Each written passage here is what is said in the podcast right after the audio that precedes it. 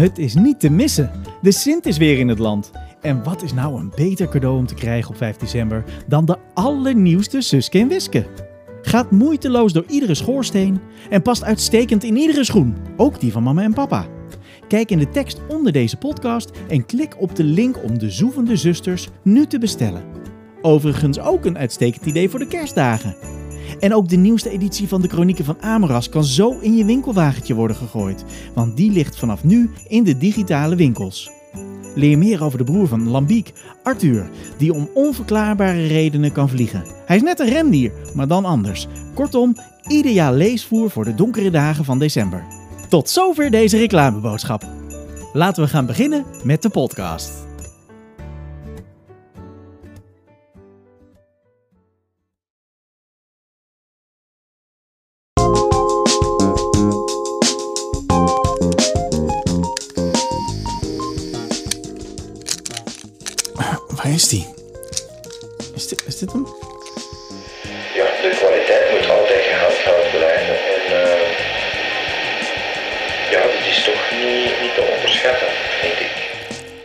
Cassettebandje uit 2005 met moeilijk te verstaande audio.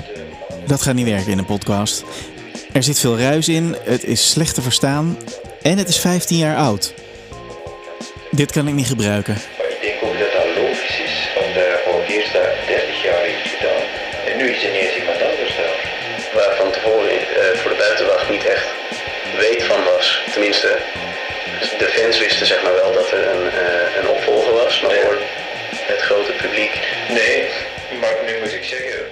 Heb dus lange tijd niet geweten dat er een andere tekenaar was dan Willy van der Steen. In mijn beleving was er slechts één man die mijn helden in de vingers had en die ze naar zijn pijpen kon laten dansen alsof ze op een boerenbruiloft waren. De breugel van het beeldverhaal. dat ehm, het eigendom was van Willy van der Steen. En hij heeft in zijn testament gezegd, dat mag na zijn dood verder gaan. Dus nu, momenteel ben ik het die dat doe. Binnen een aantal jaren of binnen verloop van tijd zullen dat weer andere mensen zijn. Dus we geven het altijd verder en daar moet je altijd rekening mee houden. Daarom ook dat, dat we moeten zien dat de kwaliteit eh, in de mate van het mogelijke toch ook behouden blijft.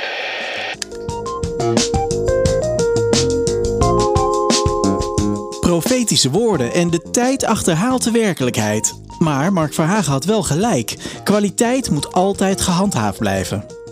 Pas toen in 1989 in het album De Krachtige Krans, nummer 218, ineens de naam van Paul Geerts vermeld stond, op het voorblad stond hij bovenaan scenario en tekeningen Paul Geerts. Toen snapte ik als elfjarige pas dat er meerdere mensen bij Suske betrokken waren dan ik tot dan toe door had.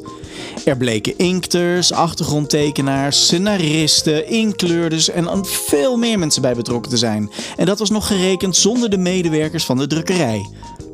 Ik werd lid van de fanclub, las de blaadjes en ik kwam erachter dat Mark Verhagen al sinds 1989 een van de medewerkers van Studio van der Steen was.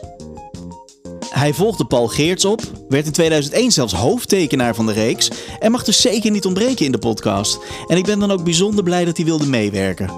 Het was voor ons beiden een spannend en beladen gesprek, want Mark werd in 2005 ontslagen als hoofdtekenaar. En daar kan ik je nu van alles over gaan vertellen, maar er is één iemand die dat veel beter kan dan ik. Mark Verhagen.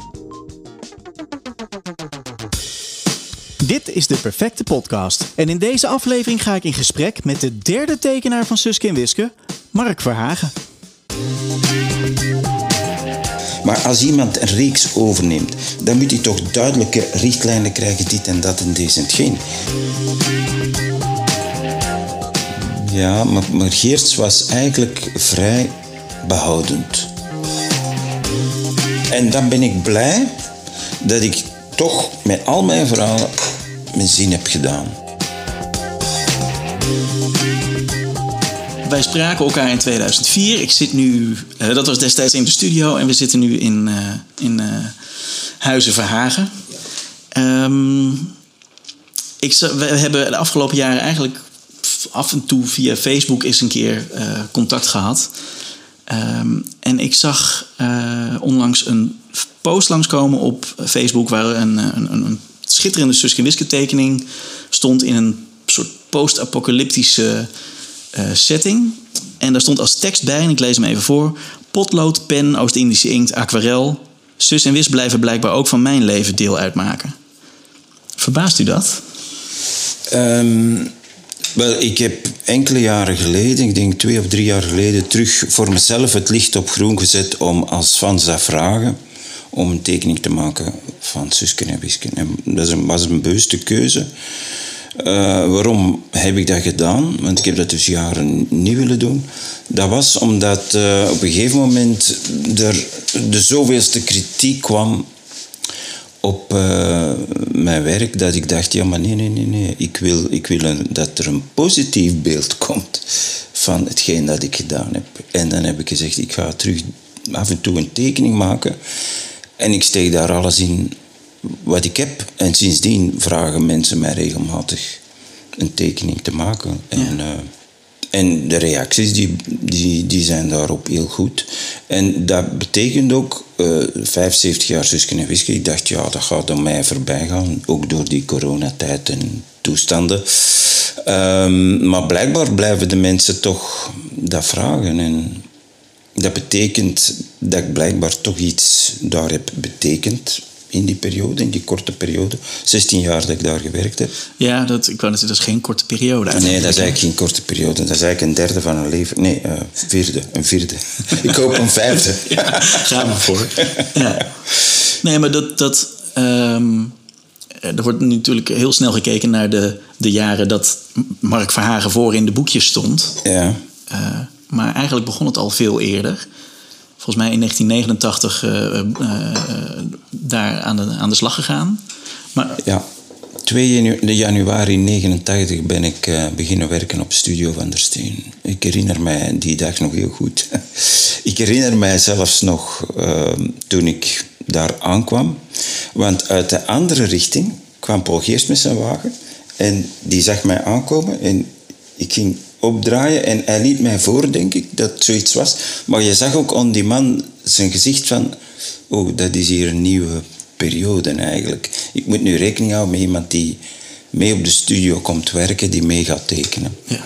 Dus voor hem was dat denk ik ook wel niet zo simpel om... Uh, een spannende nieuwe tijd. Ja, een spannende nieuwe tijd, ja. Ook om, omdat uh, Willy van der Steen daar ook achter stond. Want toen dat hij mij gebeld heeft... Uh, toen werkte ik nog op Studio Mark Mul. Dat moet in de loop van 1988 geweest zijn. Dan uh, vroeg hij mij of, dat hij, of dat ik op de studio zou willen werken. Want hij had die vier pagina's gezien die in de Schat van Beersel kwamen. Dat waren vier pagina's die moesten getekend worden in de oude stijl.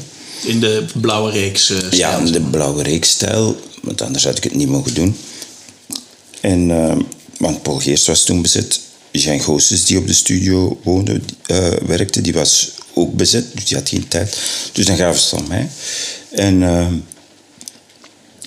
ik had dat eigenlijk vrij snel gedaan, denk ik, op een, goede week tijd of zoiets. En uh, ik had daar heel de tijd niks meer van gehoord, totdat ik die telefoon kreeg van, van de studio van der Steen. En ik verwachtte mij aan een tirade, hè, zo van heb jij ervan gemaakt? En uh, dat trekt op niks. Wie denkt jij wel dat je zei? Maar hij zei dat hij het goed vond. En uh, ik was eigenlijk helemaal verbouwereerd. Hij zei oh, dat je die lambiek hebt getekend die uit uh, vleermuizenpak stapt. Die houding is heel goed. En ja, hij, hij loofde mijn werk. En van pure zenuwachtigheid zei ik toen zoiets van, ja, goed, daar valt iets van te maken. Maar dat is natuurlijk verkeerd uitgedrukt, dat is van de zenuwen. En um, achteraf zei Lilian Govers, jaren later tegen mij... Uh, je hebt daar toen wel veel geluk gehad, hè? Ik zeg, waarom? Ja, jij zei, er is iets van te maken. En Paul Geert legt een oor neer en die kijkt naar Van der Steen. Hij zegt dat er iets van te maken is. En de reactie van Willy van der Steen, die, die schoot in een lach. dat was mijn geluk. Ja. Als die had gezegd, oh wat voor een verwaande kwast is dat. Ja. Die, die gaan we niet pakken. Nee, dat was, dat was, dat was leuk. Ja, dus uiteindelijk eh, vrij kort met Van der Steen zelf gewerkt. Ja, Van der Steen die is... Uh, die kwam altijd zo in de namiddag zo even naar boven op de studio. En ik herinner mij op een keer, als ik er een paar maanden werkte... En, uh, Eh, toen was Lilian en Paul niet op de studio. Soms gingen die wat wandelen, uh, kastanjes rapen of weet ik wat. Ik zei dat ook eens tegen Van der Steen. Waar, waar, hij zei, waar zijn Paul en? Ik zei, die zijn kastanjes gaan rapen. Oh, oh, gaan rapen. Enfin, dat was wel, je zag wel overal de humor van hem, blijkbaar. En hij zei toen, op een gegeven moment, ja, ik volg uw werk en het ziet er goed uit. Dat zei hij wel. Ja. Ik heb dat pas jaren later om Paul Geers durven vragen. Wat vond jij in het begin van mijn werk? Hij zei, het is beter dan ik had verwacht. Maar Van der Steen zei direct. Ja. bij, bij hem moest ik jaren wachten. Ja. Maar ja, en misschien dat, dat hij dat ook een beetje temperde. Uh, ik herinner mij zijn uitspraak heel goed in het begin. Want, mensen belden, hoe gaat het dan met Mark? het kondigt zich goed aan. En uh, dus twee weken later, het kondigt zich goed aan. En drie maanden later, het kondigt zich goed. dus, dus ik dacht, ja, uh, ik wil eigenlijk ook wel evolueren. Ik wil, ik wil, ik wil. En dan ben ik begin. Ja, de standaarduitgeverij die zocht altijd middelen om uh, meer dingen uit te geven. Dus Dirk Willemsen vroeg. Uh, ja, wij zouden daar nog graag een kort verhaal maken voor in het vakantieboek. En Paul Geers had zoiets van, oh nee. En, um, en Dirk Willems keek in mijn richting, maar ik wou dat natuurlijk doen. Want dat was voor mij, uh, ja, dat is hem dus. Hè. Dat is hem, hè? Ja. dus uh, ik, wilde, ik wil dat doen. En uh, Paul Geers was verrast. Net dat misschien niet verwacht dat ik dat zou zeggen. Maar ja, ik wou niet altijd de lijntjes van de, van de meesters volmaken. Ja, ja, ja, dat is niet creatief, hè? dus je wilt ook evolueren. En dan heb ik dat eerste gemaakt. En eigenlijk vrij kort daarna, ik denk misschien een half jaar later, kreeg ik licht op groen om uh, een langer kort verhaal te maken. Dat is Knokken in Knossels geworden. En uh, ja, dat bleef zo'n zo'n tijdje lopen. Dan heb ik de PSGPK gemaakt, um, Spruiten voor Sprutje. En dan de Galapagos gassen. Maar in sommige, ja, dat was niet duidelijk. Soms was het gasten en soms was het gassen. Dat is een beetje, dat ligt een beetje aan mijn tekst, maar goed. Um, en um, ja, de, zo, je, moet het, je moet het zo doen om het toch onder de knie te krijgen. Ja. Door altijd lijntjes over te trekken, ga je het niet leren. Dat is goed voor in het begin. Maar voor het, was, het, het aanvoelen ja, van de stijl. Het was meer dan lijntjes overtrekken. Het was ook, um, Paul Geert schetste ruw in blauw potlood. En ik moest de figuren uittekenen, maar ook alle details in de achtergrond. Ja, ja, ja. En dat kun je best zien aan zo'n verhaal als De Bezeten Bezitter. Dat was het eerste volledige verhaal waar dat ik uh, zijn blauwschetsen verder uitwerkte. En als je ziet die detaillering, ik denk dat er zelden een album is geweest dat zo gedetailleerd was.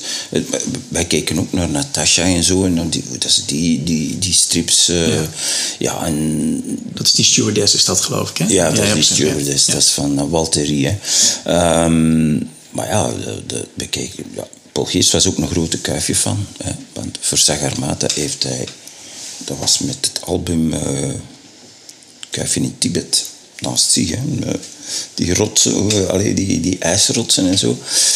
Maar er is niks op tegen als je, daar, als je je daardoor laat inspireren. Je kunt je beter laten inspireren door een goed voorbeeld dan door een, iemand die knoeit. Hè. Dus ja. ik bedoel... Nee, dan is Hergé uh, wel een goede... En, en als het, zolang het inspiratie is en het is geen puur kopiëren, dan kan dat wel. Verhagen studeerde in 1978 af van het Sint-Lucas, een kunstacademie in Brussel. In de jaren 80 werkte hij aan verschillende animatieprojecten, waaronder de animatiefilm Jan zonder vrees. Daarnaast bracht hij ondertussen in de tijdschrift Spetters underground strips uit, zoals de wielenstrip Cycloman en drie strips van zijn eigen hoofdfiguur Phil Marver. En verder tekende hij mee aan strips van Boes en werkte hij mee aan de populaire BRT-kinderserie Het Liegebeest, voordat hij begon aan zijn Suske en Whisky jaren. Zoals Mark zelf al vertelde, tekende hij vier pagina's voor de Schat van Beersel. Dat betrof een reclameuitgave voor de kredietbank, waarbij hij aanvullende pagina's maakte, volledig in de stijl van Van der Steen uit de jaren 50, toen hij nog verhalen voor het tijdschrift Kuifje tekende. Het was het begin van Verhagens carrière bij Studio Van der Steen. In totaal werkt hij mee aan meer dan 60 Suske en Wiske albums. En dit brengt me dan ook bij het leeslijstje van deze aflevering. Er komen nogal wat albums ter sprake, je zal ze niet allemaal hebben, maar ik noem ze toch even, dus pik eruit wat je hebt en dan kan je ze erbij pakken. Daar komen ze. Het Suske en Wiske vakantieboek van 1989. Knokken op knossels, de pezige PK, de Galapagosgassen, Spruiten voor Sprotje, Sagarmata, de bezeten bezitter, de slimme slapjanus, de razende race, de ongelofelijke Thomas, de blote Belg, de Europummel, de koeiencommissie, heilig bloed, de kus van Otvella, de gevangenen van Prisonov, in de ban van de mild, verraad op de Veluwe, de Kaapse kaalkoppen, de formidabele Fantast en waarschijnlijk nog enkele albums die ik nu over het hoofd zie. Op de social media kanalen van de Perfecte Podcast zie je voorbeelden hiervan. Volg de podcast dan ook op Twitter, Instagram en Facebook en in de podcast app waarin je hem nu beluistert. Uh, u bent van 1957. Ja, ja. Dus u was 32 toen u daar kwam. Ja, ja, ja. Al wel met ervaring op zak uh, Ja. uh, in de tekenwereld, maar ook in de animatiewereld. Ja, Voor de BRT. ja.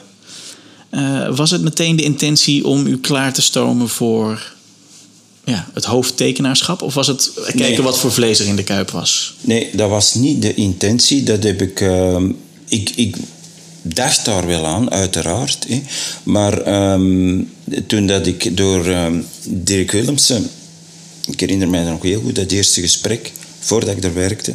dan was er een voorgesprek met Willy van der Steen, Paul Geers, Dirk Willemsen en mezelf. En in de auto, dan zei Dirk Willemsen... Ja, en... ehm, ja, uw broodje is gebakken, hè. Ik zeg zo. Ja, jij gaat al die, die Suske en Wiske verhalen van de oude stijl, je gaat dat in de moderne stijl zetten.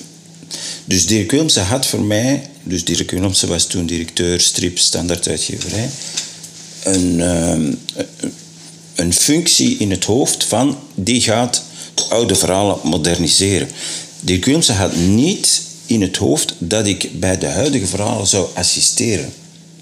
Dat was, dat was niet. eh, De planning. Nee, nee, maar ik, ik- ze hadden ook niemand anders op dat moment. Hè, dus, maar omdat ik er op de duur zo lang werkte en dat werk zo lang deed en al op de duur ook eigen verhalen had gemaakt, was het eigenlijk wel een beetje logisch dat ik dan in beeld kwam om het op te volgen. Maar 97 of zoiets, 96, 97, zijn er wel wat interne strubbelingen geweest.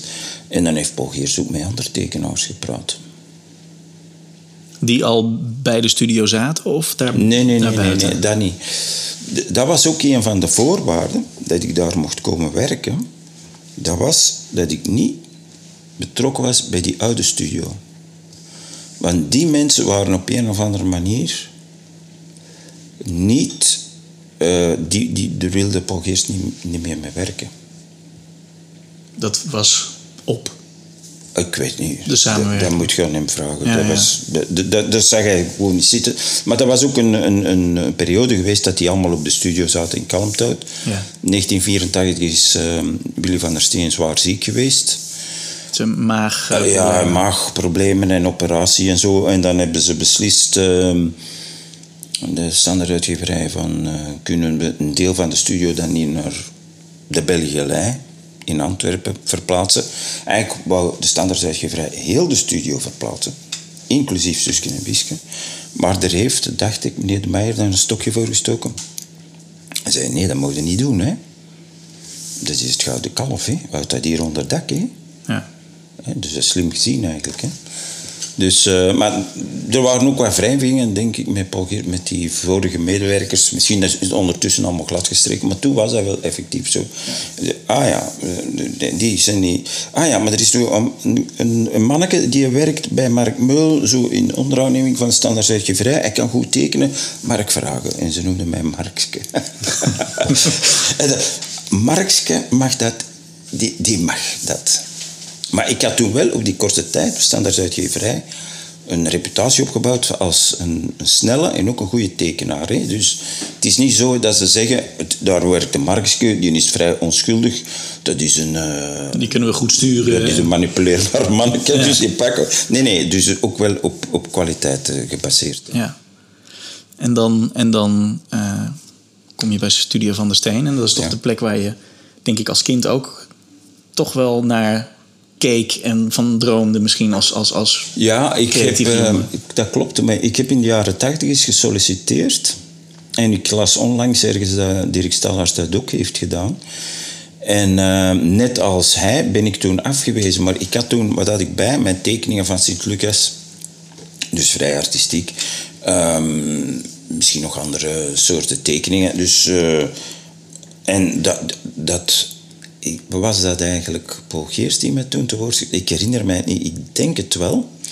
En zei, ja, je kunt misschien proberen eh, ergens anders, maar dat is niet de stijl die wij hier doen. Ik vermoed dat Dirk Stallert ook hetzelfde antwoord heeft gekregen. Dat is niet onze stijl.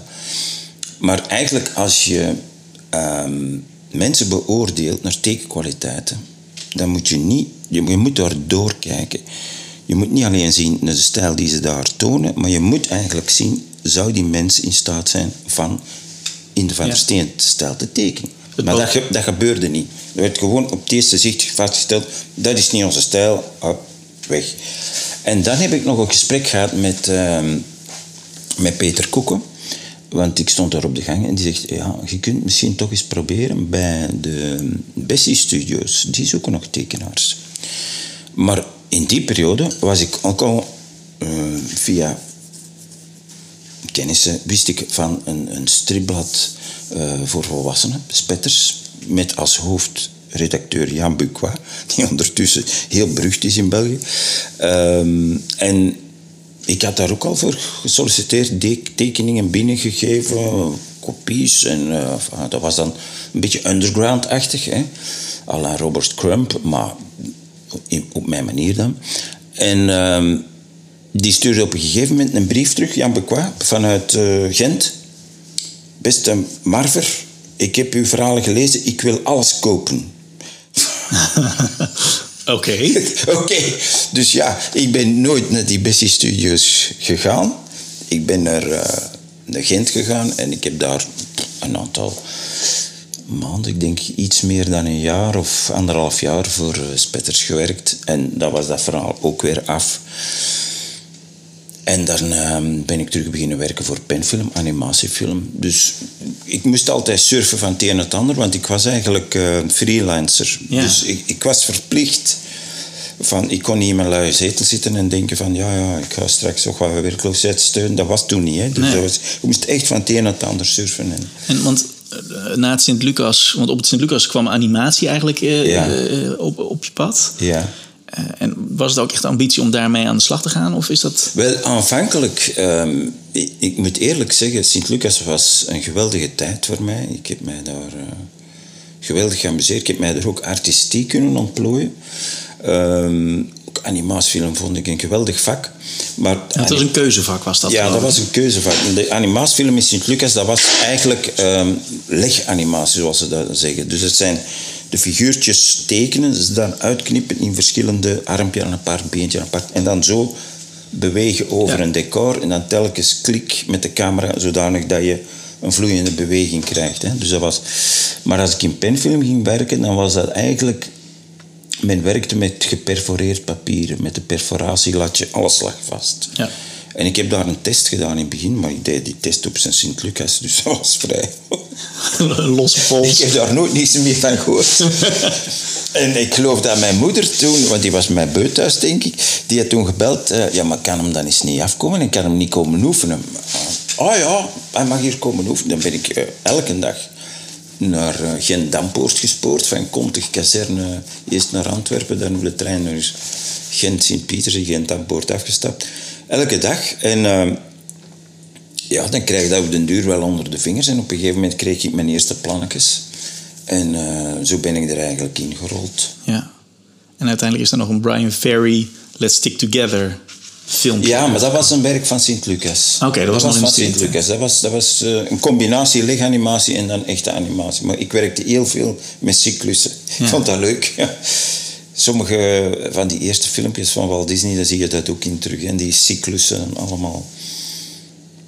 Ja, cyclus, dat wil zeggen dat je een, een, een, een beweging gaat hergebruiken. Hetgeen natuurlijk economisch interessant is, omdat je de tekeningen al hebt. Ja, exact. Dus een stapcyclus in animatiefilm, dat was bij ons 12 tekeningen. En als iemand stapte, ja, die kon zes, zes seconden stappen met die twaalf tekeningen. Dus Ja. dat, dat, was, dat was goedkoop. Hè. Hetgeen dat wij deden ook... Ik, ik, ik redeneerde altijd in, in, in functie van goedkoop. Datgene dat achteraf een beetje mijn fout was, want op het moment dat we dan voor duurdere animatie gingen, dan zat ik nog altijd in die mindset van goedkoop. en eh, het begin van de Jan Zonder Vrees heb ik daar ook een paar scènes gehad, waarin dat ik weer die cyclussen gebruikte. En dan hebben ze wel gezegd, ja, we gaan nu met meer ervaren animators werken. Daar had ik het wel even moeilijk mee, maar ik heb dat dan toch ook eh, aanvaard en eh, zo. Ja, je, leert altijd bij, bij elk eh, onderdeel waar dat je in je leven komt. Je leert er iets van, hè? hoe erg dat het ook mag zijn op het eerste gezicht. Dat is ook iets dat Boeddha zegt. Hè? We moeten de moeilijkheden in ons leven of de moeilijke periode omarmen, want zij zijn de katalysators om te groeien. Met animatie raken we in dit gesprek een gevoelige snaar. Want hoewel er meerdere pogingen zijn ondernomen, is een onvergetelijke teken- of animatiefilm van Suske Wiske nooit een echt groot succes geworden. Van der Steen probeerde eind jaren 50 een animatieserie rondom Suske Wiske op tv te krijgen. De manier waarop dat destijds gebeurde was echter nou, nogal simplistisch, zelfs voor die tijd. Het is gebeurd, geachte luisteraars. De gezanten van eh, Mars zijn geland. In afwachting dat ze tevoorschijn komen, zal ik een eh, eh, eh, omstaander naar zijn indrukken vragen. Meneer de agent, wat denkt u van de landing van de eh, eh, eh, Marsbewoners? Ze hebben veel geluk dat ze dadelijk parking gevonden hebben, hè? Voor mensen die van zo ver komen. Niet waar, meneer? Lambiek begroet de eerste Marsbewoner. Kwart voor vier. Binnen een kwartier springt de bom en dan is de komedie gedaan. Een voorbeeld van deze animaties is te zien op de site van de Perfecte Podcast. Over dit animatieproject zei Van der Steen in 76 het volgende. Een eerste poging is gedaan in samenwerking met eh Edition du Lombard, die eh Kijfen uitgaf. En eh, samen met een Vlaamse redacteur toen van dat blad hebben wij een eerste eh, een poging gedaan dus om zo'n verhaal op televisie te brengen. Het is er inderdaad op geweest, maar het was zo stuntelig. Eh, wij kenden niets van techniek. Wij waren alleen maar bezeten door het idee, het moet op de beeldbuis. Daar zijn historisch gebeurd waar eh, vakmensen nu zich krom zouden mee lachen. Maar voor ons was dat eh, een, een heldhaftige tijd om toch te proberen daar ergens iets van te maken. Het is op de buis geweest en, en, en Bert Leijzen in de tijd, die heeft ons daar erg in gesteund. Hij zag natuurlijk ook wel dat we niet op het goede pad waren. En eh, na onze mislukking, eh, een mislukking was het niet helemaal, technisch in elk geval, maar de manier, zelfs hoe stundelijk het was, maar de manier dat het publiek reageerde, was voor ons het bewijs, wij moeten op die televisie komen. Dit was dus geen groot succes, maar maakte de rol van tv wel duidelijk voor Van der Steen. Hierop volgde de bekende poppenserie, waarover meer in een volgende aflevering. In de jaren 90 volgde nog een andere 13-delige animatieserie van verschillende albums, maar ook die bracht niet een vergelijkbaar succes als de poppenserie. En toen, toen kwam in 2009 de hoogwaardige 3D-animatiefilm De Texas Rakkers, gemaakt door Skyline Film en Television, met veel bekende Nederlanders en Vlamingen die hun stem verleenden aan de karakters uit het verhaal. De film werd zelfs in het Frans en het Engels vertaald in de hoop zo internationaal succes te bewerkstelligen. Zo werd de Engelse stem van Sheriff Cooper, de schurk in het verhaal, ingesproken door de Amerikaanse countryzanger Billy Ray Cyrus, de vader van de wereldberoemde superster Miley Cyrus. In Nederland verleende Frank Lammers de stem aan Lambiek. Eh pardon, Siske. Voor een heldenproef hebben een held nodig. Trouwens, als jullie hier een krant hebben, de naam is Lambiek. Met de K van... eh de K van Cool. Was Jeroen van Koningsbrugge TV Boemerang. Goedemiddag. Welkom, beste klanten. Voor al uw koopjes, groot en klein, moet u bij Boomerang zijn. Spotgoedkoop en niet duur. En verleende Jennifer Hofman haar stem aan Miss Missy, de schone jonge dame in het verhaal. Oh, ik dacht dat ik misschien iets kon doen, maar als het zo zit, dan ga ik terug naar mijn hotel. Professor Barabbas werd in de Nederlandse versie vertolkt door Pierre Bokma. En Alex Wieleket, de schoonzoon van Willy van der Steen, sprak in de Vlaamse versie de stem in van de geniale geleerde. Het zou het begin zijn van een hele reeks van Suske en Wiske animatiefilms, maar na de eerste film werd helaas ook de stekker uit dit project getrokken.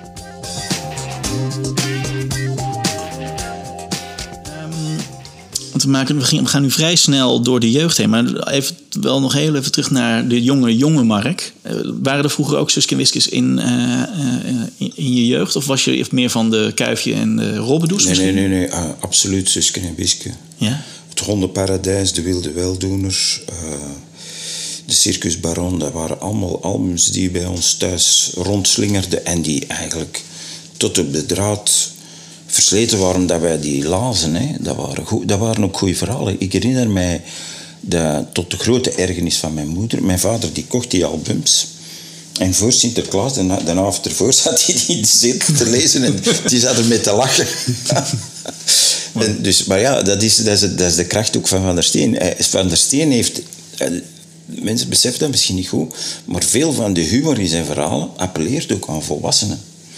De verhalen zelf zijn op, op kinderniveau, zal ik zeggen, maar de humor is voor volwassenen. Dubbele bodems en zo. Ja. Dat is, dat is de kracht van zijn werk. En daarom is dat ook zo moeilijk na te doen. Hè? Nou, Als je dat zelf gaat doen, met die dubbele bodems, dan, is dat, dan heeft dat iets gemaakt. En daarmee heb ik ook altijd gezegd in het verhaal die ik maakte, ik ga uit van mijn eigen benadering van humor, maar ik probeer het naar daar te doen neigen. ja. En is dat... Werd dat meteen gezien en gewaardeerd? Nee, nee, nee. Je hebt ehm, een hele harde kern eh Suske en Wiske fans die eigenlijk die, dat oude stramien altijd herhaald willen zien. Dat oude, die, die, die staan niet open voor vernieuwing. Ik heb dat onlangs weer gezien met dat verhaal van Steven Dupré en Cons. Ehm, dat ik ook heb gekocht, omdat ik een fan ben van Steven Dupré, van zijn tekenwerk. Ik vind dat een fantastische tekenaar. En eh, ik heb dat gelezen, ik vond dat vrij goed. En dan las ik weer die, die reacties op Suske en Wiske op het WWW. En dan, dan dacht ik, ja maar jongens toch. Dat, dat was een goed verhaal. Het is niet omdat het iets futuristisch is dat het automatisch slecht is. Hè. De Wolkeneters van Van der Steen is een fantastisch verhaal. Maar waarom kunnen die mensen... eh, Steven de en Cons zijn toch wel twee namen? Die maken dat niet en dat wordt dan volledig afgekraakt. Dat snap ik niet. Ik snap dat niet. En je komt ook niet verder anders. Als je blijft vasthouden. Nee, dat is het ook. Dat, dat is ook het dilemma. Hè. Je, je zit met een reeks die heel sterk was. Tot in de jaren, eind jaren 60. Dan heeft iemand dat overgenomen. Oké, voor zo goed en zo kwaad als het ging. Dan neemt nog iemand dat over. Maar die sterkte van in het begin, dat kan alleen maar één persoon. Dat is Willy van der Steen. Nochtans, hij heeft in eind jaren 80 ook eens de eenzame eenhoorn gemaakt en de wervelende waterzak. Dat waren twee mislukkingen. Ja. Dat had, dat had hij beter niet gedaan. Want zijn sterkte op het einde van toen dat hij het zelf nog deed, alhoewel op het einde toen dat hij het deed met uh, Minimierennest en uh, wat- welke verhalen waren het, en zo, dan vond ik ook dat hij bepaalde dingen begon te herhalen. Dus hij geraakte zelf ook mentaal een beetje uitgeput in de ideeën. Ik denk dat dat ook de reden is waarom dat hij de reeks heeft overgegeven. Ja, dan kon hij weer met een fris, frisse blik op iets anders. eh, Ja, voilà. En dan kon hij zich bezighouden met Robert en Bertrand. En wat zien we in Robert en Bertrand? Is daarmee start enorm veel detail. Leuke verhalen, ehm, die kleren van toen en, en, en die wagens. En daar heeft hij een- plezier aan gehad. Een nieuwe, een nieuwe wereld waar hij ook weer in kon duiken. Ja, hè? voilà. Ja, ja. Nou, eh, zeg maar, de, de conservatieve, of de, laten we zeggen, de, de, de, de fans van de, de, de, de vroege periode. Ja, ik denk dat, dat het ook een, hè, een, een, een cyclisch ding is. De, iedereen groeit op, wat we eh, ook al wel eens of eerder al bespraken. Iedereen groeit op met de Suske en Wiske van zijn jeugd. Dus waar je, waar je, eh, wat er in de, Absoluut. in de winkel staat, dat, Ja. dat lees je. En dat is jouw, jouw startpunt. Ja, dat is uw norm. Hè. Dat is, Ja, daar, daar meet je alles aan af. Want, want hetgeen dat je toen in je hebt... Dat is met muziek ook zo. Hè. Als je 15 jaar bent, die muziek, dat vergeet je nooit meer. Nee, daar ben je ontvankelijk voor. Voilà, je bent heel beïnvloedbaar. Dat is de eerste muziek dat je hoort. Ja. En, en dat blijft voor een stuk voor de rest van je leven. Bij, bij mij was dat dus de verhalen van Wiele van der Steen. Ik veronderstel, bij jou waren dat verhalen van Paul Geerts, denk Ja. ik. Voilà. Ja. Maar, en dat, en, want dat vind ik dan het leuke eh, eh, van, van de podcastreeks nu. Ik krijg heel veel reacties op social media, Twitter, Instagram en Facebook. Ehm, maar dus ook van nou laten we zeggen, eh, mensen van nu 25. En die zijn opgegroeid met jouw albums. En die vinden dus, als ik dan reacties krijg van... oh, ik vond dat een te gek boek... of ik vond dat een te gek album, als ik daar iets over post. Ja. En dan denk ik, oh ja, dat is wel heel erg... Weet je, er wordt altijd een beetje eh, gekeken naar... Nou, de Heilige Graal is van de Steen... en dan heb je Paul Geerts en dan Mark Verhagen. Er, zijn, er is een hele generatie is ook dus opgegroeid met de boeken van Ja. Mark Verhagen. En Ja. die, dat is hun Suske en Wiske Ja, tijd. ja, ja, ja. En daar wordt vaak wordt er een beetje overheen gekeken. Tenminste, als je de conservatievere, oudere fans... Ja, maar ik, ik heb daar geen... eigenlijk- Vroeger zou ik mij daaraan geërgerd hebben. En zeker na mijn ontslag dacht ik, ja, nu ga ik helemaal vergeten worden. Maar nu heb ik daar totale vrede mee. Waarom? Niemand is gemaakt voor de eeuwigheid. Alles verdwijnt op den duur. Hè. Ehm, kijk naar de firma's die, die er bestaan in de wereld. Geen, zelden is er een firma die langer dan 100 jaar bestaat. Hè. Meestal is het 20 jaar, 30 jaar. Wordt dat overgegeven aan kinderen en dan stopt dat al, begint dat te slabakken. Dus ehm, roem en zo, en, en dat is eh, betrekkelijk. En de bijdrage die ik heb geleverd aan Suske en Wiske, die vind ik... ehm, voor mij is dat eigenlijk genoeg. Ik had graag nog wat meer gedaan, want ik vond het laatste jaar dat ik bezig was, raakte ik echt ook goed op dreef met die verhalen. Ik voelde ook beter aan, ehm, hoe zal ik zeggen, de gevoeligheden. Ik zou meer rekening hebben gehouden met, ehm, met hoe dat sommige mensen er tegenover stonden. Ik had er ook begrip voor, hm, maar ik heb lange tijd Suske en Wiske op 2WW niet, ge- niet geweten dat dat bestond. Nee. Dus had ik dat van in het begin bekeken, dan had ik gedacht, oei, ik ben hier blijkbaar een beetje uit de bocht gegaan voor, voor die mensen. Ja. Maar voor mij was het in het begin ook een beetje experimenteren. Hè. Het, was, het was durven keuzes maken. Je moet, als je zoiets overneemt, je kunt zeggen, ah ja, dat is de lijn. We gaan nooit zo, of we gaan no proberen nooit zo te gaan. Dus zo is naar boven, zo is naar onder. Dus je probeert nooit te zakken. Maar je moet af en toe iets nieuws proberen. Maar was er een klankbord om mee te sparren over zulke dingen in die tijd? Ehm, Geerts was met pensioen. ja, maar, maar Geerts was eigenlijk vrij behoudend. Dus dat was niet het ideale klankbord om mee, mee te sparren. Ik heb eventjes een, een klankbord gevonden in Erik Mijnen. Eh, met de Europummel, maar dat, ook dat verhaal werd volledig afgekraakt. Er is een periode geweest, en ze zeggen dan, ja, dat was de slechtste, het slechtste jaar van Suske en Wiske. Dat was met de Europummel, ik denk de Blote Belg en de, eh, de Koeiencommissie. Dat waren eigenlijk zo'n soort van verhalen waarin dat ik zelf aan het aftasten was Wat, er- wat, er, wat er eigenlijk kan. De Blote Belg is eigenlijk ontstaan door een tv-reeks, De Blote Belg, op de BRT toen, VRT, eh, gepresenteerd door Marcel van Tilt. En wij hadden, ik kende die producer, want die had ook iets met ons eh, even te maken. En eh, ik maakte de afspraak, kijk, wij kunnen een verhaal als Suske en Wiske de Blote Belg noemen, maar zouden jullie dan op het einde van elke aflevering van de Blote Belg een prijsvraag kunnen, kunnen eh, verwerken in het programma. werken in een programma over het verhaal. Ja. En dat is ook zo gebeurd. Dus dat, dat is dat met die producer had afgesproken. Maar dat verhaal, de blote Belg, wordt dan door 2BW volledig afgekraakt. Maar ze kennen de achtergrond niet. Nee.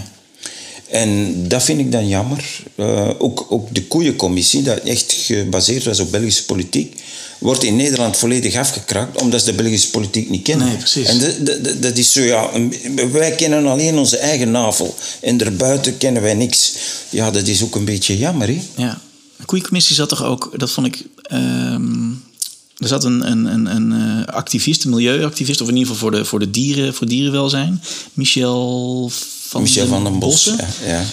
Die heeft uiteindelijk, wist ik niet, kwam ik een tijdje geleden achter, die heeft uiteindelijk nog het geboortehuis van Van der Steen gekocht. Die heeft daar Ja, ja, ja, ja, ja, ik heb er ook zoiets van gehoord. Ja. Ja, ja, ja. ja, Ik, heb hem, al- ik heb hem nog niet zo lang geleden op de, op de trein gezien, maar ik durf hem geen goede dag zeggen. Eh, ja, het is ook, dat is een iconisch figuur in, in België. Hè. Michel van den Bos is ook een keer eh, zwaar in elkaar geslagen op een eh, veemarkt in, dacht in Anderlecht. Eh, omdat hij altijd opkwam voor de rechten van de dieren. En, eh, ik vind ook, als je dieren hebt en je slacht die, dan moet je dat zo diervriendelijk mogelijk doen. Daar heeft hij gelijk in.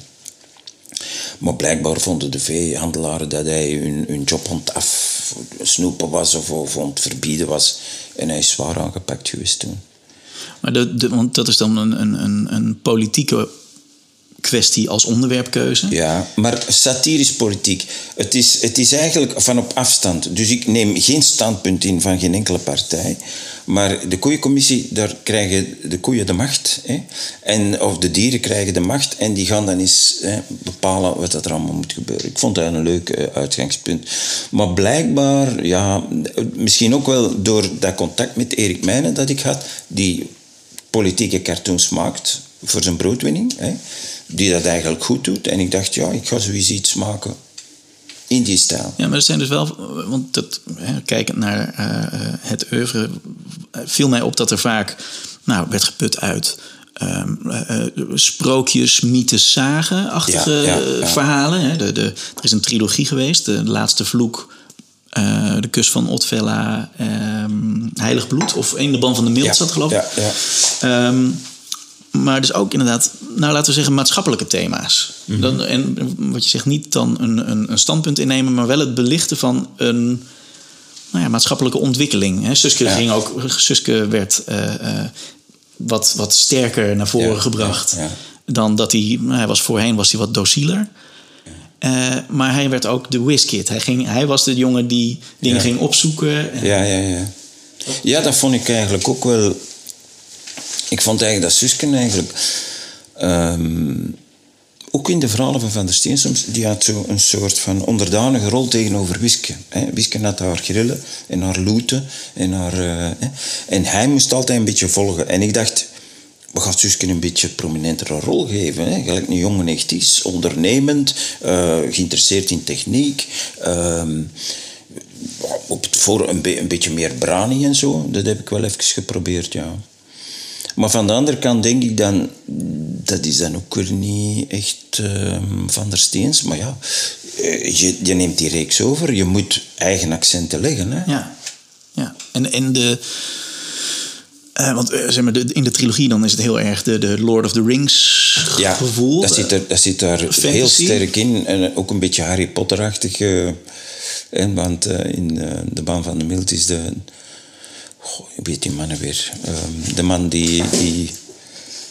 Jack Monen, Jack Nove, de, de profeet nee, Neno. Nee, nee, ik pak even wat boeken kijken. erbij. Sorry, ja, bij mij is het ook al een tijdje geleden. ik heb ja, ik heb die eigenlijk niet meer uh, echt... Ik heb nog wel dingen gelezen, Ongelooflijke Thomas, en ik moest daar zelf mee lachen. dus ja, um, dat klein manneke hier in dit album, hoe heet die... Uh, ja, enfin, ik, vind, ik vind het nu niet terug. Maar dat was eigenlijk een beetje parodie op hij die in zijn naam niet genoemd mag worden. Oh, op uh, ja, Voldemort. Een, ja, Voldemort, ja, inderdaad. En, maar eigenlijk vind ik dat nog een, een, grappig verhaal. Maar dan zie je ook weer die, die, die kritiek op de WW. Ja, het is te veel sword and sorcery. Ja, oh. ja. Dan kun je eigenlijk voor niemand goed doen. En dan ben ik blij dat ik toch met al mijn verhalen mijn zin heb gedaan. Mijn eigen koers heb gedaan. Dus ja, ja, voilà. Ondanks die, die mensen die zeggen ah, dit en dat en deze en geen. Dikkers zijn de beste stuurlui, die staan aan wallen en dat is altijd zo. Dit kenmerkt het werk van Mark Verhagen in zijn periode als tekenaar van Suske en Wiske. Gedurfd, experimenterend en zoekend naar een vorm waarmee hij zowel oudere generaties fans als nieuw te werven lezers aan zich kon binden. Zo moderniseerde hij bijvoorbeeld de kledingstijl van de hoofdfiguren. Dat werd hem echter niet door iedereen in dank afgenomen, maar hij liet zich desondanks niet in een keurslijf drukken en verwerkte zijn persoonlijke interesses in zijn verhalen. Zo verwijst hij op een speelse manier naar Tolkien's Lord of the Rings in zijn magische trilogie, bestaande uit de fleurige Floriade, Heilig Bloed en In de Ban van de Mild. Er komt zelfs een tweede trilogie. De Laatste Vloek, De Kus van Otvella en De Gevangenen van Prisonov vormen samen een geheel, waarin de tekenaar zelfs een aantal fanatieke fans een bescheiden rol geeft. Verder geeft hij ook een verklaring voor de verdwijning van Wiskes broer Ricky. Na hun eerste avontuur in 1945 nam hij de benen om pas in 2003 weer eenmalig terug te keren. Maar waarom dachten onze vrienden nooit meer aan hem? Je leest het in De Gevangenen van Prisonov. Op de website Suske en Wiske op het WWW is een forum te vinden waarop fans met elkaar discussiëren over de reeks. De moeite van het bezoeken waard. Mark verwijst er ook vaak naar in dit gesprek, dus neem zeker eens een kijkje. In zijn latere eigen werk, waar we in het volgende deel van de podcast dieper op ingaan, krijgt Verhagen meer de mogelijkheid om onderwerpen uit te diepen. Wilde u ook meer, meer verdieping brengen in de strips? Ja, dat wilde ik wel, ja. Ik was uh, toen uh, op een gegeven moment, ik, ben ik beginnen lezen, dat was de dag van de geboorte van mijn dochter. En dan ben ik beginnen lezen in dat boek van uh, de meesters van het Verre Oosten, van Spelding. En dat was een, een onderzoeksteam dat naar Nepal ging en, die streken. ik denk in 1909 dat dat was. En dat was heel interessant wat dat die mensen daar beleefden dat waren, ik heb er ook op de studio over verteld. Hè.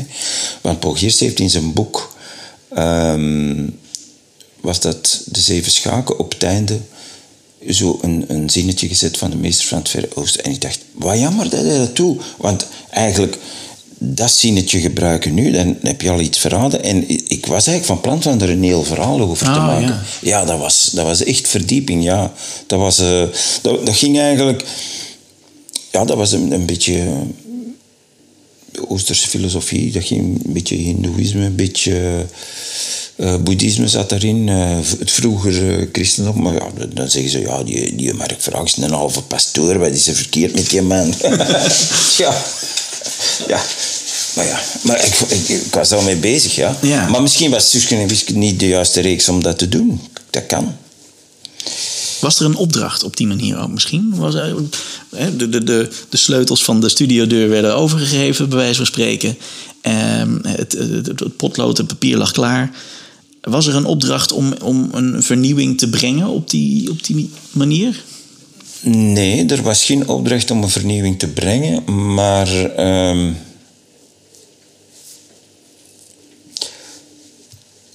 er is wel iets dat ik moet zeggen en dat mij altijd gestoord heeft. Er was geen opdracht om vernieuwing te brengen, maar ik heb ook nooit geweten wat dat er juist in het testament van Van der Steen stond. Ja, zo één, één, een paar lijntjes zo. Er mag geen geweld gebruikt worden, of het geweld dat gebruikt wordt, moet ludiek zijn. Eh, en, en dan nog iets van Sidonie en Lambiek en zo. Eh, zo, zo, zoiets gekopieerd en dan hadden ze dat uitgeknipt, twee, drie regeltjes, en dat was, dat, dat was mijn... eh, mijn- mijn- maar dat is toch absurd? Als jij als tekenaar een reeks gaat overnemen en de grote meester heeft een testament nagelaten en jij mocht niet weten wat daarin staat. Ja, dan kun je het alleen maar verkeerd doen. Ja, ja maar dan, dan moet jij je, je vertrouwen zetten in de mensen die zeggen: ja, maar het moet zo en zo en zo. In die tijd werd er heel veel geschermd met testament. Nu is dat veel minder. Als je ziet naar een reeks als Amoras, goed gemaakt, maar qua geweld. Gaat het over de, over de Ja. langs, scheert langs de randen van wat men weet? Ja, dus dan vraag ik mij af, waarom is dat nu allemaal wel gepermitteerd? En toen keek men met een vergrootglas erop. Dus dat is, dat is onlogisch, hè? Ja. Maar als iemand een reeks overneemt, dan moet hij toch duidelijke richtlijnen krijgen, dit en dat en deze en hetgeen. En liefst zo dicht mogelijk bij de bron zelf, dat is de meester, hè? Ja. Dat is Van der Steen. Ja. Maar dat, dat, dat, Nooit gebeurd. Nee. dat heb ik niet gezien, hè? Dat is heel, heel bizar. Maar goed. Eh, even kijken, de speelgoedspiegel, de, de eh, bezeten bezitter, de, de, de albums waarmee u zeg maar de uw eerste stempel kon drukken op eh, Ja. het tekenwerk, of in ieder geval de. de Tekenwerken, ja. De, ja. Ja. Ehm, eh, was het, in eerste instantie was het op, op, op, op de blauwtekeningen van, van Geert. Ja. En daarna kregen we meer de vrije hand en Ja. kon u de kortverhalen doen. Vond u meteen uw eigen stijl of was dat nog een proces daar naartoe? Om die figuren echt in de hand te krijgen, dat doe je zelfs niet op een jaar. Dat, er gaan verschillende jaren over. Je wordt daar soepeler in met de jaren. Je figuren worden soepeler. In het begin is dat nogal houterig. En naarmate de jaren vorderen, word je daar, ja, word je daar vlotter in. Dus als ik mijn eerste verhaal bekijk van Bospel, dan ja, dat is, dat is nogal houterig getekend. En er heeft Paul Geerst wel regelmatig eh, hier en daar een andere eh, perspectief of zo in gebruikt. Maar ik vind het achteraf gezien nog niet zo verschrikkelijk slecht. Natuurlijk, je moet niet zien aan de recensies op het www. Nee, maar laten we, laten we die vooral Ja. voor wat het is. Maar de, als, als jonge lezer, als kind, Mhm. zag ik geen overgang in deze tijd. Zeg maar, de, de, je ziet ergens. Ja, dat is een compliment voor mij dan. Hè? Ja. Ja, dat sowieso. Maar ik moet wel zeggen met Bosspel dat eh Paul hier en daar wel figuurtjes heeft eh, verbeterd. Hè? Of ja, eh, ik had dat geschetst en hij heeft dat dan dit is, verder uitgewerkt. dit is geïnkt door Erik de Rob, denk ik. Ja, Erik de Rop is altijd de inkter geweest, behalve in sommige gevallen Liliaan Govers.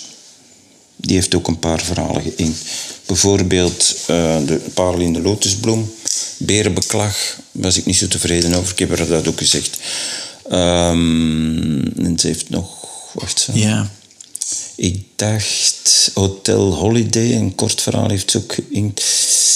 ja, er zijn er een aantal. Ja, daar was ik eigenlijk... Enfin, ik vind Erik de Rop nog een goede ding, maar ik vond Jean Goossens ook een hele goede eh, tekenaar inter eigenlijk. Want Jean, Jean is ook een goede tekenaar, hè. Maar hij had zo'n heel typische stijl, Jean. En ehm, ja, blijkbaar is er dan iets fout gelopen tijdens de Angst op de Amsterdam. Tussen Jean en Paul, waardoor dat Erik de Rop ineens de inter werd.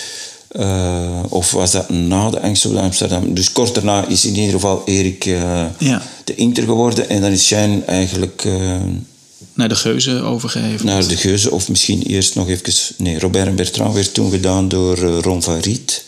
Op scenario van Mark Mul, als ik me goed herinner. Ja, klopt. Ja. Ehm, in, die, in die periode, laten we zeggen, mm, nou, volgens mij was het 94 ongeveer, was er ook het Suske en Wiske Weekblad. Ja. Dat kwam uit. Wat, Ja. wat, wat was dat voor. ehm, wat betekende dat voor de studio? Ja, ehm, eigenlijk niet zo bijster veel, want wij moesten onze verhalen blijven maken.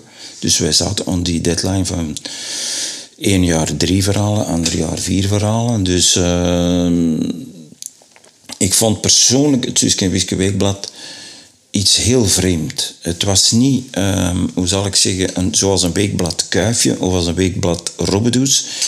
Je had er iets voor heel jonge kindjes en dan voor heel oude kindjes. En dan had je een, een realistische reeks en dan had je weer ineens... Het was eigenlijk een, een soort van mikmak van, van alles door elkaar. En... ehm, maar ja, ik ga er verder niks over zeggen. Ik vond het eh, positief dat het initiatief genomen wordt, sowieso. Ja. Maar misschien redactioneel had het eh, ja, wat anders kunnen ingevuld worden. Ik weet het niet. Enfin, Maar het was niet dat daar een, eh, een eh, extra productie voor moest worden gedaan in nee, die tijd. Nee. Dus, dus het eerste verhaal dat daarin verscheen, dat was volgens mij eh, de slimme Slapjanus. Ehm, en ja, dat, dat herinner ik mij nog, want dat werd dan voorgesteld. En dan Clemens, die begon in dat jaar met FC de kampioenen, dat weet ik nog.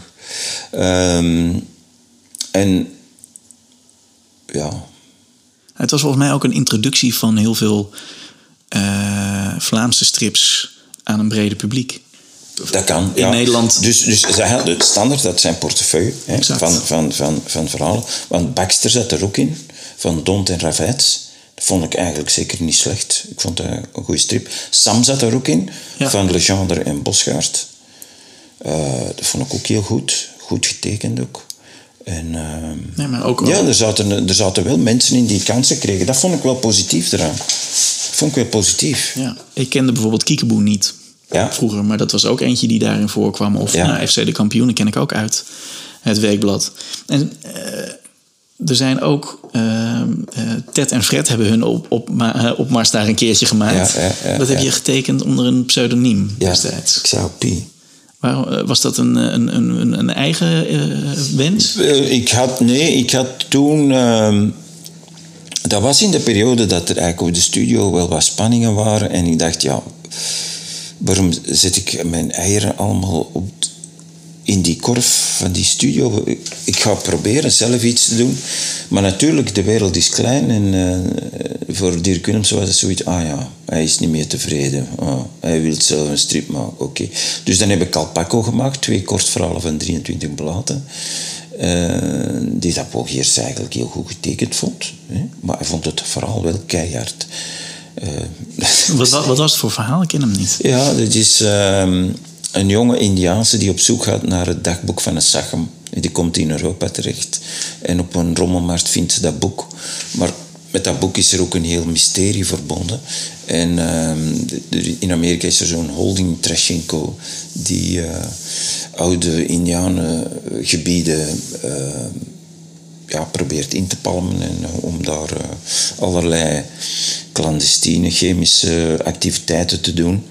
En, eh, maar dan moeten ze dat dagboek ook hebben. Dus dat was eh, zo'n beetje... En, en Jos was daar de... Dat was een weeskind. Die was daar een beetje de hoofdrol in. Ehm dat heeft twee verhalen gelopen. Maar Dirk Willemsen zei... Ja, maar je moet niet denken dat daar een album van komt, hè. Dus dat was zo... Ze geven mij een troostprijsje. Ja, maar niet de ambitie om... Nee, nee, nee, nee, nee dat, mocht, dat mocht niet. Maar, maar ik denk dat dat de periode was dat, de, dat Paul Geerts aan het zoeken was naar andere eh, tekenaars ook. Maar, en, eh, maar ja, dat was een moeilijke periode. Ook omdat op een gegeven moment zei. Toen had ik al wel wat verhalen gemaakt. Onder andere kostbare kader en zo. En de vonkende vuurman. eh, die verhalen allemaal. En ineens kwam daar een einde aan en zei... Ja, eh, ik vind dat jij nu te veel doet. Op den duur ben ik hier overbodig. En nu moet alles terug beginnen van mij. Het begint van mij uit. En dan... eh, Dus de, de, de, de workflow werd aangepast weer. ja, het- de, de workflow werd niet aangepast, maar zo, ehm, mijn creativiteit werd ineens, ineens stopgezet. Ik moest allemaal, allee, dus ik moest mij terug onder hem zetten. Ja. Dus hij vond dat, dat ik te veel deed. Misschien vond hij dat, dat ik een beetje een bedreiging werd. Ik weet het niet. En ehm, dat was voor mij wel, hoe zal ik zeggen, een, ehm, een domper, serieuze domper. Maar van de andere kant, in dat gesprek kwam nooit tot uiting dat mijn werk slecht was. Dat heeft hij niet gezegd. Nee.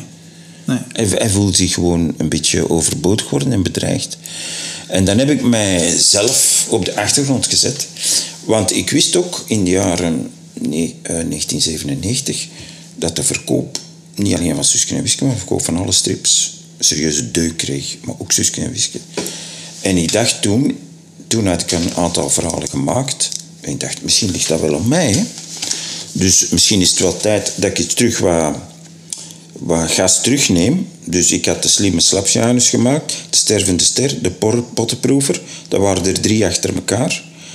En dan eh, was dat eventjes dat conflict. En heeft hij dat wel proberen goed te maken. En hebben samen het Aruba-dossier geschreven.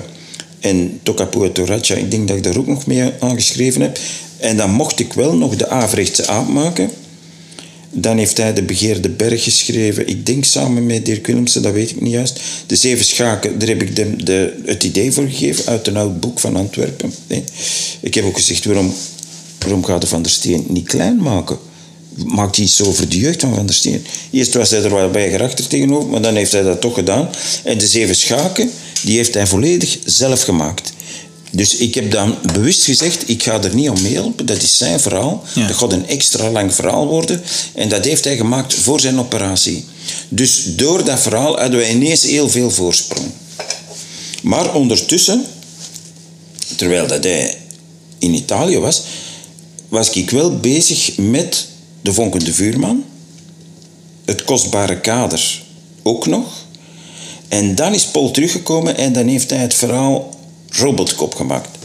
Dus chapeau voor hem, want hij was half verlamd bijna, zal ik zeggen. Ja. Die, die schouder die, die zakte af. Zijn, een deel van zijn stembanden dat was weg, dus die heeft oefeningen moeten doen. En die zat er met een omzwachtelde kop en die maakte robotkop. Ja, waanzinnig. Hè? Ja, dat is, dat, dat is wel een staaltje van... eh, ja, dat is wel doorzettingsvermogen, moet ik zeggen. Dat was... eh, alleen het, het, het, het, het, het ellendige was dat ik niet meer die creativiteit had. Dat, dat was echt... Dat vond ik echt... Dus in die tussenliggende periode... Dat ja, dat, dat, dat, de tussenliggende periode... Op een gegeven moment heeft hij gezegd... Ja, ik ga het nu terug het heft in hand. Want de razende race, die eerste bladzijde... De eerste vier bladzijden heeft hij zo het scenario geschreven. En daarna liet hij mij terug mijn gang gaan. Maar dan zei ik zo, maar waarom doe je dat? Waarom schrijf je nu ineens die... En dan zei, was het zo uw toon staat mij niet aan. Dat was zo gelijk een schoolmeestertje. hè. Dus eh, ja, en ehm, dan heb ik mij ja, de, de razende race gedaan. Het grote gat, Vaderlijke Vinson. Vaderlijke Vinson heeft hij met Dirk Willemsen geschreven, volgens mij. Volle Maan heeft hij geschreven met Theo Vaassen. Zijn biograaf is dat. Ja, zijn biograaf. En ik heb dat getekend, vanaf begin tot einde. Maar hij heeft dat wel geschreven met Theo Vaassen. Prachtige Piotr, dat is weer een verhaal van mij. Tex en Terry hebben samen geschreven. De Mompelende Mummie eh, en De Vogels der Goden, daar heeft hij voor naar Papua Nieuw-Guinea geweest. Ja. En dan kwam hij terug met een peniskoker. Maar die heb ik nooit gezien, alle geluk. en eh, dat is samen met, wie was dat nu weer? Rolf de Rijk. Want die is meegegaan toen. En die is daarna heel erg ziek geworden. En die is vrij vroeg overleden. Volgens mij had hij een soort van malaria. Een soort eh, infectie opgelopen. Ja, ja, ja, ja, ja. Die is enkele jaren geleden overleden. Ik wist dat niet, maar Peter van Hooydonk heeft mij dat gezegd. Dan de rebelse Reinaard heeft Paul Geersoep met iemand geschreven. Ik weet niet met wie, maar ik mocht dat verhaal van begin tot einde tekenen. De gevederde slang heeft hij ook met Rolf de Rijk volgens mij geschreven. Amber heeft hij ook geschreven. En, maar dat heb ik kunnen tekenen van begin tot einde op zijn schetsen. De Bonte Bollen, ik denk dat hij samen geschreven heeft met Manu van Treek, maar dat weet ik niet. Berenbeklag heb ik getekend op zijn scenario, maar inking is niet goed. Enge Eiland heeft hij samen met Manu van Treek geschreven. Ik heb dat uitgetekend.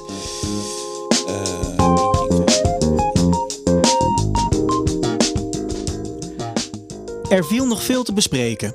Zoals het einde van zijn tijd bij Studio van der Steen. Op 25 februari 2005 kwam er een persbericht naar buiten waarin melding werd gemaakt van Marks abrupte ontslag. Hij zou niet kunnen samenwerken in teamverband en zijn onderwerpkeuze voor een verhaal over de Holocaust was ook niet geschikt voor Suske en Wiske. Hoe hij daarmee is omgegaan hoor je in het tweede deel van het gesprek met Mark Verhagen. Bedankt voor het luisteren en vergeet niet om de podcast te volgen en likes te geven op social media. En ben je nou echt enthousiast? Dan kan je me ook steunen via patreon.com slash deperfectepodcast. Tot slot nog dit. Hou je wel van een pubquiz op zijn tijd? Speel dan ook eens een van de Suske en Quizkes op de website. Zo test je jouw kennis van de rijke geschiedenis van de strip. En ben je echt fanatiek? Meld je dan aan voor de pubquiz. Hopelijk kunnen we die dan in 2021 een keertje laten plaatsvinden. Tot de volgende aflevering.